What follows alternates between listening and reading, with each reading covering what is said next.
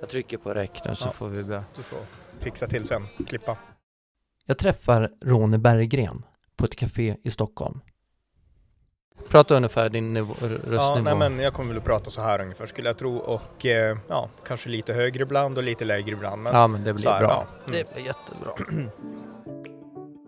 Ronny jobbar till vardags som assistent i Örnsköldsvik, men är en engagerad politisk samhällsdebattör och en expert på amerikansk politik och i synnerhet det republikanska partiet som han gärna företräder i svensk media. Men vid sidan av hans stöd till Donald Trump och Sverigedemokraterna här på hemmaplan skymtar emellanåt ett engagemang för det som rör religion och inte minst den kristna tron som han själv har. Hur ser den resan ut hos Ronny? Välkommen till ett nytt avsnitt av En kristens resa.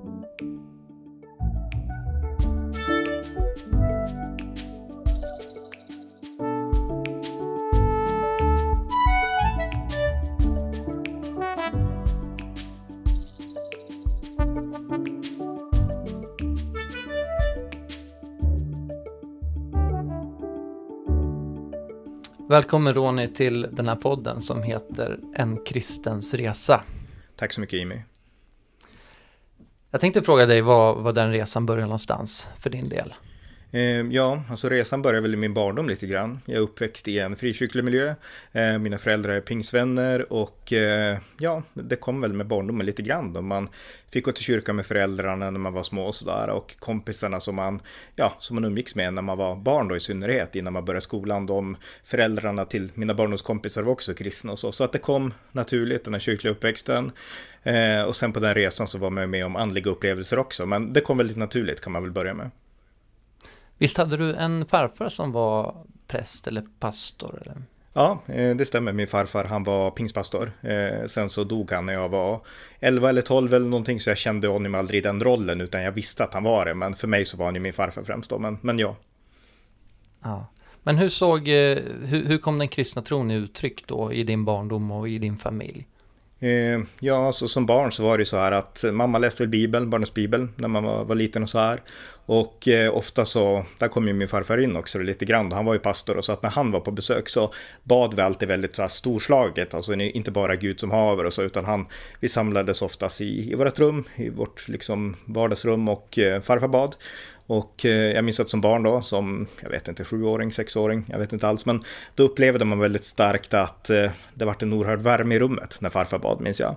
Och eh, så här i efterhand så, så förstår jag att det var Gud man upplevde när, när man har sen fått andra andliga upplevelser som bekräftar samma sak som man kände då. Men det var en sån där sak och ja, det finns ju så mycket som helst. Alltså det, jag tror inte att min uppväxt skiljer sig så mycket från, från många andra som har växt upp frikyrkligt faktiskt. Kommer du ihåg hur du, hur du såg på Gud som, som litet barn?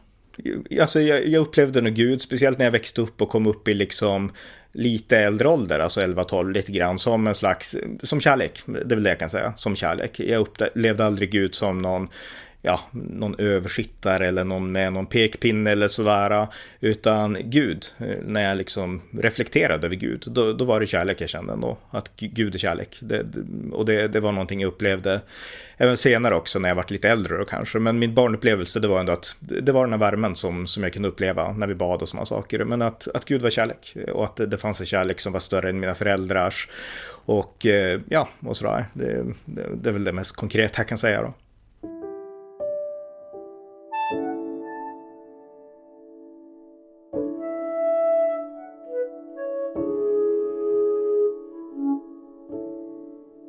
Var det någon period i ditt liv där, där den kristna tron och, och, och Gud och det här blev ifrågasatt hos dig? Eh, det kom nog lite senare, alltså jag var med, det kom senare i livet, alltså kanske gymnasiet först. Alltså som, som, som barn och som, som ung tonåring, då var man ju, speciellt när man, man var tonåring då, då var det mycket att man började gå till kyrkan på allvar. Jag tror vi hade gått i så här barntimmar och sådär när vi var mindre och vissa kyrkaktiviteter som fanns för ungdomar och läger och sånt där som man var på. Men eh, när man var lite äldre så var det, var det fler läger och många av de här lägren var ju en del starka andliga upplevelser som man upplevde då när man sjöng lovsång tillsammans med de andra eller pastorn bad eller sådana saker. Och det finns många sådana upplevelser som jag hade i högstadiet. Och, eh, sen så vart jag väldigt konkret berörd av Gud när jag var 16. Eh, och då hade jag just börjat gymnasiet, första året där. Och eh, jag läste en kristen bok som berörde mig väldigt starkt och jag upplevde att eh, wow, Gud är, man kan få en personlig relation med Gud. Eh, för att jag hade nog dessförinnan på högstadiet och sådär alltid upplevt Gud, som jag var inne på tidigare, att Gud var kärlek och att man kunde ha starka upplevelser. Men det hade på något sätt eh, det hade varit liksom, oj, det här var ett läger, nu har jag upplevt en sak av Gud och sen så fortsätter livet som vanligt liksom. Men när jag läste den här boken då när jag var 16 så upplevde jag att wow, det här personliga kan man fördjupa sig i. För på något sätt så hade det inte gått in i mig liksom tidigare.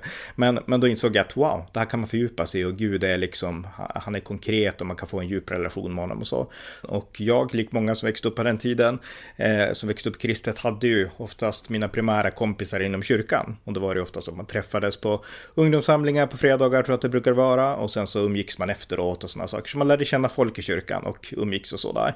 Så att kyrkan var väl en plats för gemenskap, men och också en plats för starka andliga upplevelser.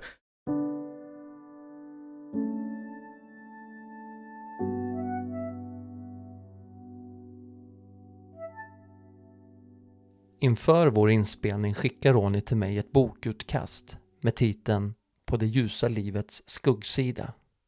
Han skrev den när han var 25 år och den skildrar en inte helt okomplicerad uppväxt inom kyrkan.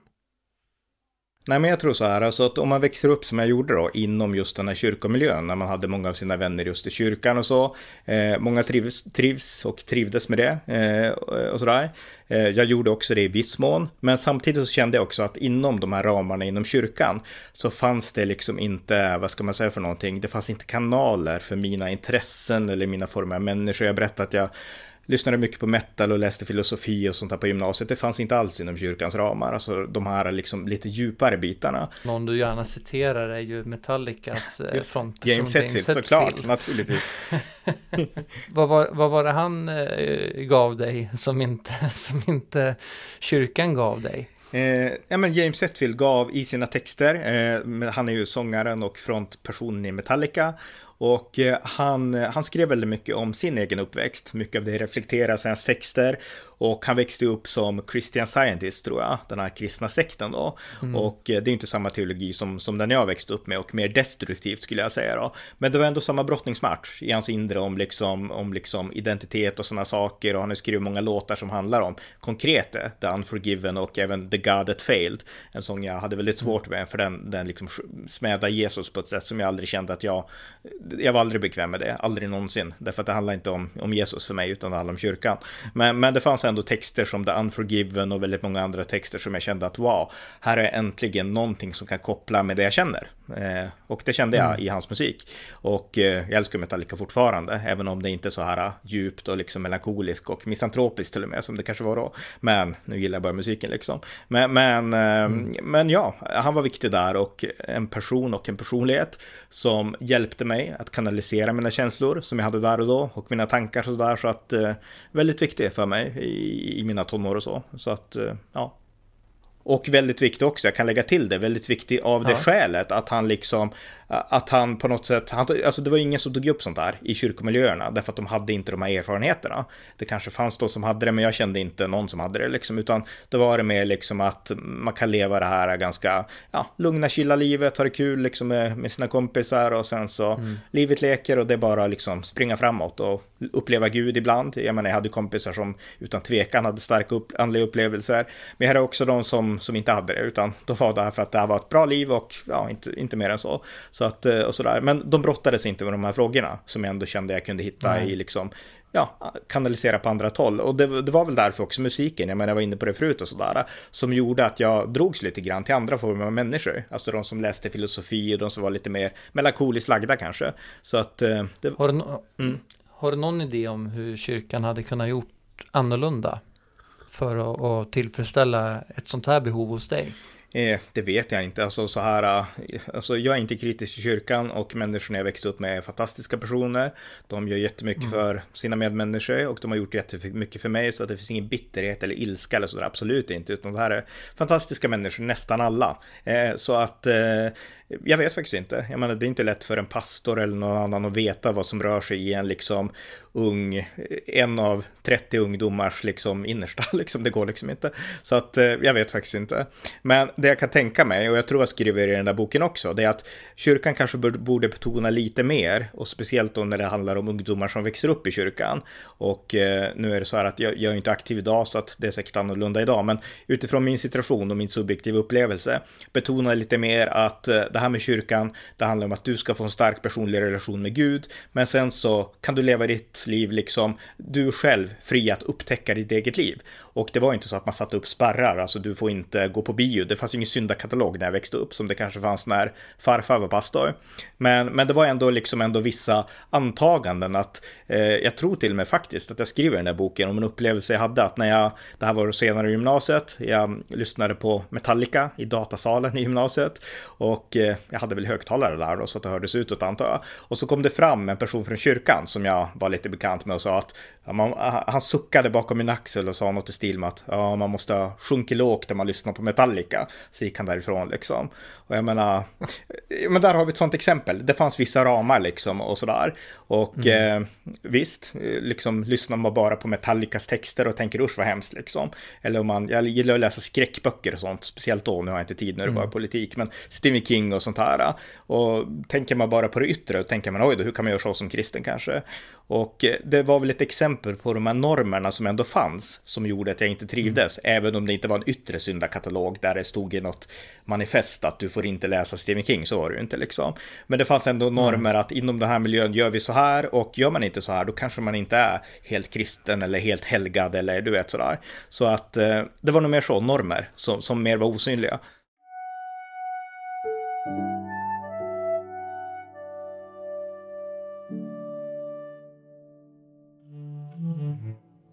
Även om Ron inte trivdes särskilt bra i kyrkans gemenskap berättade han för mig hur han ändå landade i sin kristna tro.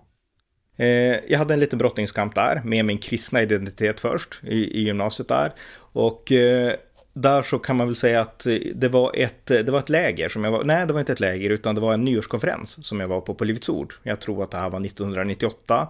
Jag hade just gått ut gymnasiet hösten där då. Och eh, jag var inne i en slags brottningskamp. Jag skriver nog om det i min bok där då, liksom ska jag vara kristen eller inte och sådär. Och eh, på den här konferensen, nyårskonferensen, så predikade Joakim Lundqvist, som då var ungdomspastor på Livets Ord. Eh, han predikade om att eh, han predikade om att, ja, han predikade i alla fall utifrån Marilyn Manson, det är det jag minns just nu. Och eh, det är den här gott-rockaren då som sjöng mycket om destruktiva saker och så, och en person som jag lyssnade inte så mycket just på honom då, utan jag lyssnade mer på andra metalband. Men, men det var ju samma kontenta eh, när Joakim predikade. Och eh, jag kände att wow, det här var en jättebra predikan och där så kände jag att självklart ska jag vara kristen ungefär. Och där så fattade jag beslut att jag vill vara kristen. Och eh, i den stunden och eh, en sakta process som följde därefter så så helades min relation med Gud, som ändå hade varit under vissa slitningar i, i gymnasieåren där då i slutet av gymnasiet. Men därför kände jag att jag vill vara kristen och eh, det har jag varit sedan dess, utan egentligen något, ja, det har jag varit sedan dess, utan tvekan. Eh, så det var en viktig liksom, punkt för att avsluta den här inre konflikten med Gud som jag kanske hade där på gymnasiet. Men sen hade jag fortfarande, och väl det min bok handlar också om lite grann, en brottningskamp just med, med kyrkomiljöerna och den, ja, den, den kom senare kan man säga också då. Mm.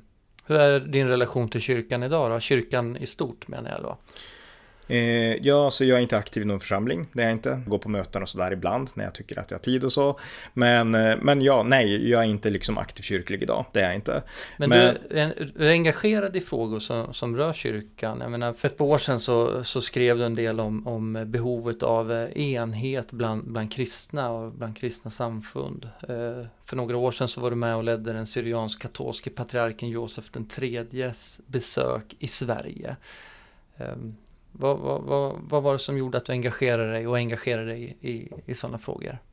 Eh, nej men alltså så här, jag är kristen, alltså jag har min relation till Gud som finns, den är inte, det är inte någon tvivlande relation, utan jag, jag är kristen. Jag, jag liksom känner att Jesus är kraften, styrkan och det centrala i mitt liv eh, och sådär.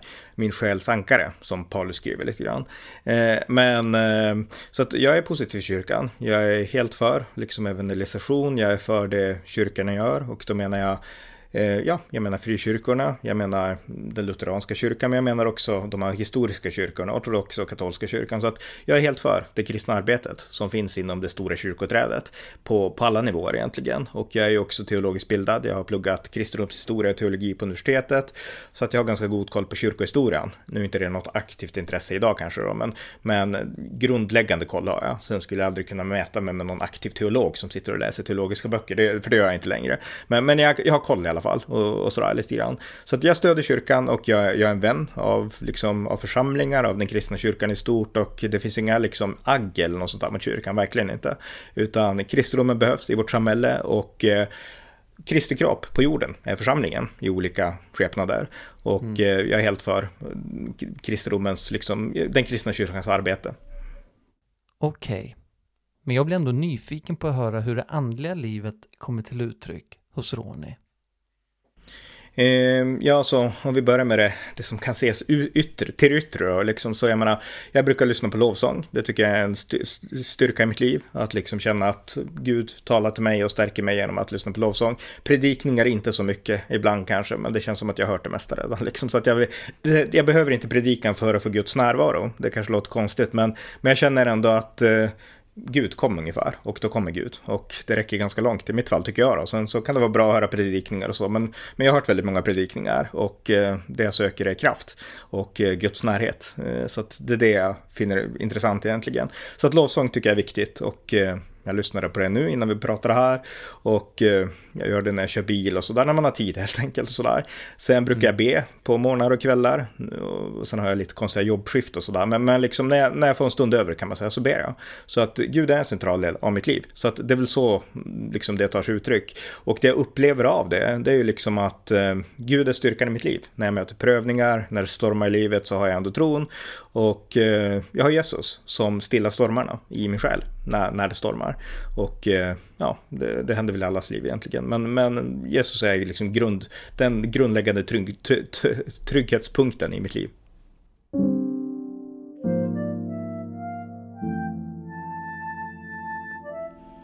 Du Ronny, i somras här så skrev du på din Facebook att Sverige är ett sekulariserat land där kristendomen har pressats ut i marginalerna.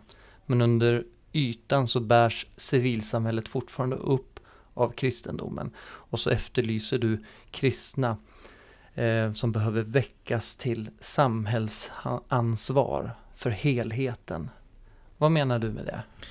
Eh, ja, alltså kristna brukar ju oftast vara väldigt bra på att ta samhällsansvar och de är det. Och även de här miljöerna som jag vistades i när jag växte upp, de var och är fortfarande väldigt bra på att engagera sig i sitt närsamhälle. Eh, kyrkan jag växte upp i, de engagerar sig för alkoholister, de engagerar sig numera för flyktingar, det var inte lika aktuellt när jag växte upp då, men, men, men nu är det ju så. Och de engagerar sig för hemlösa och för sådana saker och för narkomaner och för utsatta och fattiga och så med soppkök och allt möjligt som finns. Och det här är ju någonting som nästan inga andra aktörer gör på det här sättet. Så att det är någonting som jag tycker är suveränt fantastiskt. Men det finns också saker som kyrkan inte tänker på och då menar jag mer de här kanske lite större frågorna. Jag var inne på att det fanns en konflikt i mig när jag var yngre med, med liksom kyrkans liksom värld och det jag tyckte var intressant. Och eh, när jag började plugga på universitetet men även när jag läste filosofi på sidan om och sådana saker så upptäckte jag att det här är stora fält. Det finns massvis av frågor om civilisationshistoria, världshistorien, framtiden, politik, krig eh, och fred och sådana saker som kyrkan är helt liksom de finns inte närvarande, alltså kristendomen finns inte ens där, utan den kyrkliga värld jag minns, det var människor som var väldigt snälla, fromma, frommare än jag, många, eh, och hade en stark relation med Gud. Men det togs uttryck i det lilla alltid. Det var alltid liksom, nu ska vi hjälpa den stackars fattiga där, men det var aldrig liksom, nu ska vi diskutera på ett universitet, för det hade de inte kompetens till. Eller nu ska vi liksom, ja, nu ska vi tänka på liksom spelteori när det gäller världspolitik. Utan då vart det enkla saker som, men Jesus vill att man vänder andra kinden till, kan vi inte lösa alla konflikter så? Och eh, ja, det vore bra om det var så, men, men jag kom fram till då att det är liksom inte så. Utan det krävs ett djupare engagemang även i större frågor. Och eh, Det var väl det jag efterlyste lite grann i den där texten. Mm. Och jag gjorde det av den enkla anledningen att jag tyckte att eh, Eh, de här frågorna kommer att hanteras av människor, av politiker, av makthavare, av opinionsbildare, helt oavsett om kristna engagerar sig eller inte. Men om kristna inte engagerar sig i de här frågorna, då kommer det här saltet, som Bibeln ändå säger att kristendomen är i världen, då kommer det inte att finnas i de här miljöerna. Och eh, min analys är att det är inte bra om, om de här miljöerna saknar kristendom. För om den här sältan som kristendomen ger försvinner eller aldrig kommer in i de här miljöerna, då kan destruktiva saker ske som jag tror inte skulle ha skett om det fanns ett kristet koncept också. Mm. Är det här grunden till ditt engagemang i politiken och som samhällsdebattör? Eh, ja, lite kanske. Lite, inte enbart, men lite grann så är det så. Eh, jag vill definitivt vara liksom en kristen röst i de här politiska miljöerna och i de här politiska idéerna som jag ändå liksom har eh, ja, satsat ganska stora delar av mitt liv i att liksom göra mig införstådd i och så. Så att ja, eh, till viss, till viss mån så är det så, utan tvekan. Och du är väldigt drivande måste jag säga. Du, du driver bloggen och podcasten Amerikanska nyhetsanalyser. Du är en samhällsengagerad akademiker beskrivs du som eh, på dagstidningen Bulletin som du numera också har blivit ledarskribent på. Mm. Um, vad är det som driver dig i det här? Vad är det för frågor som, som, som, som du brinner för och som, ja, Eh, jag brinner för, alltså det jag brinner för djupast sätt och det jag har brunnit för i ja, två årtionden egentligen, det är att rädda den västerländska civilisationen som jag anser förfaller. Och den västerländska civilisationen är en civilisation som i grund och botten är byggd på kristendom. Och det här är en civilisation som har burit eh, västvärlden i nästan 2000 år och eh, mycket har gått fel, utan tvekan i den här långa historien.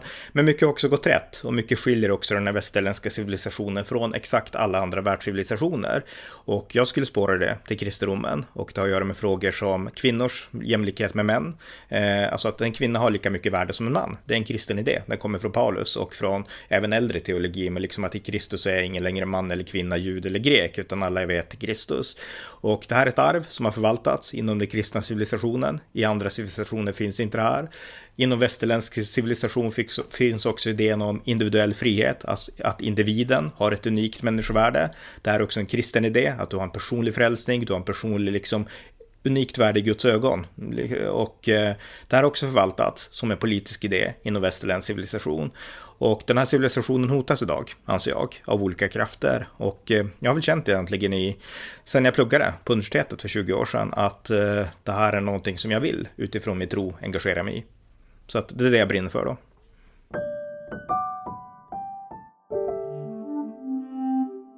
Ronny har spelat in nästan 1400 poddavsnitt och skrivit 15 000 blogginlägg om för det mesta amerikansk politik.